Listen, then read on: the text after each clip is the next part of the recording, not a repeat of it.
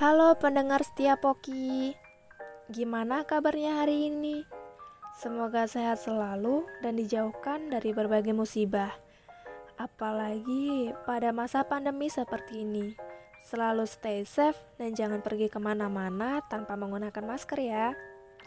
Nah, pada kesempatan kali ini, Biju atau Bincang Jurnalistik akan membawakan sesi storytelling yang akan dipandu oleh aku. Episode storytelling kali ini akan membawakan cerita rakyat Jepang dengan judul Tanabata Monogatari. Ceritanya akan dibawakan dalam dua versi bahasa, yakni versi asli bahasa Jepang dan juga versi terjemahan bahasa Indonesia. Sembari mendengarkan ceritanya, teman-teman boleh banget nih sambil dilanjut kegiatan lainnya. Tapi akan lebih enjoy bila di saat waktu luang ya apalagi ditemani minuman serta cemilan favorit, terus sambil duduk-duduk santai dengan posisi yang paling nyaman. Sebelumnya, teman-teman sudah pernah membaca atau mendengar cerita Tanabata Monogatari belum?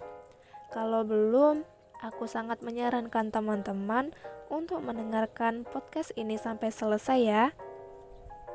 Kalau teman-teman sudah pernah mendengar atau membaca ceritanya, kita dengarkan kembali yuk. Oh ya, perkenalkan, aku Aini dari jurusan Sastra Jepang, Fakultas Ilmu Budaya Universitas Andalas angkatan 2019 sebagai pemandu podcast hari ini. Kemudian Aku ada satu teman lagi nih yang akan membacakan cerita Tanabata Monogatari dalam versi bahasa Jepang. Namanya Resni. Nah, Resni ini juga dari jurusan sastra Jepang, Fakultas Ilmu Budaya Universitas Andalas, angkatan tahun 2019. Nanti setelah Resni selesai membaca, Aku akan melanjutkan ceritanya dalam versi terjemahan bahasa Indonesia. Daripada lama-lama, yuk kita simak ceritanya. Selamat mendengarkan. Tanabata Monogatari 夜空に輝く天の川のそばに天の神様が住んでいます。 天の神様には一人の娘がいて、名前を織姫と言います。織姫は旗を折って、神様たちの着物を作る仕事をしていました。さて、織姫が年頃になったので、天の神様は娘にお婿さんを迎えてやろうと思いました。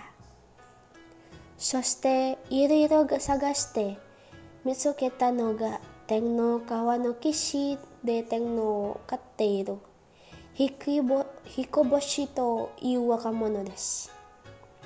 この彦星はとてもよく働く立派な若者です。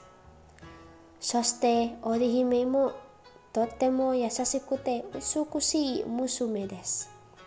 二人は相手を一目を見ただけで好きになりました。二人はすぐに結婚して楽しい生活を送るようになりました。でも仲が良すぎるのも困りもので、二人は仕事を忘れて遊んでばかりいるようになったのです。織姫様が旗を折りしないで、みんなの着物が古けてボロボロです。早く新しい着物を作るように言ってください。彦星が牛の世話をしないので、牛たちが病気になってしまいました。天皇神様にみんなが文句を言いに残るようになりました。天皇神様はすっかり怒ってしまい、二人は天の川の東の西に分かれてからがすがより。と、織姫と彦星を別れ別れに知ったのです。ああ、彦星に会いたい、彦星に会いたい。毎日泣き続ける織姫を見て、天の神様が言いました。娘やそんなに彦星に会いたいのかはい、会いたいです。それなら一年に一度だけ7月の中の夜だけは彦星と会ってもよいだぞ。それから織姫は一年の一度会える日だけを楽しみにして毎日一生懸命に旗を折るのです。天の川の木の彦星もその多い楽しみに天のお仕事ご仕事にせを出しました。そして待ちに待った7月の中の夜、織姫は天の川を渡って彦星のところへ会いに行くのです。しかし、雨が降ると天の川の水かさが増えるため、織姫は川の渡ることができません。でも大丈夫。そんな時はどこからともなくかさぎとという鳥が飛んできて、天の川に橋をかけてくれるのです。さあ、あなたも夜空を見上げて、二人の最後を祝福してあげてください。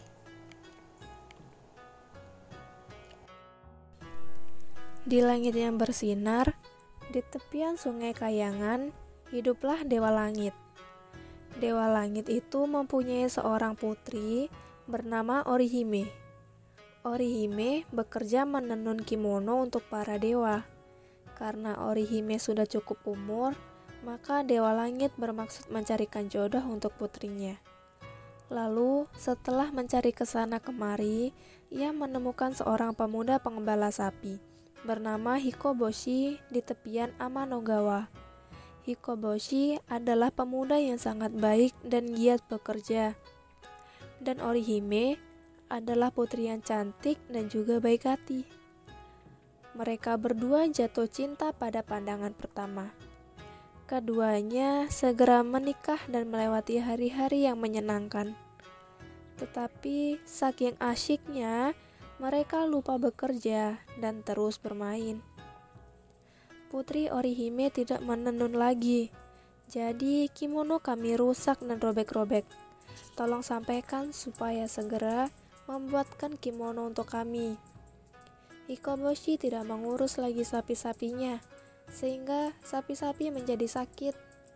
Semuanya protes kepada Dewa Langit. Dewa Langit benar-benar marah. Hei kalian berdua, tinggallah terpisah di sisi barat dan di sisi timur Amanogawa. Dewa Langit memisahkan mereka berdua. Oh, aku ingin sekali bertemu dengan Hikoboshi. Aku sangat rindu sekali. Orihime setiap hari menangis. Melihat hal itu, Dewa Langit menjadi iba dan berkata, Putriku, kamu benar-benar ingin bertemu Hikoboshi? Ya, ayah, aku ingin bertemu dengannya. Kalau begitu, kamu boleh bertemu dengan Hikoboshi satu tahun sekali, setiap tanggal 7 di bulan Juli pada malam hari. Lalu, Orihime setiap hari menenun kimono dengan sungguh-sungguh dan menantikan pertemuannya dengan Hikoboshi yang hanya satu tahun sekali itu. Begitupun Hikoboshi, ia bekerja keras mengembala sapi dan menantikan hal tersebut.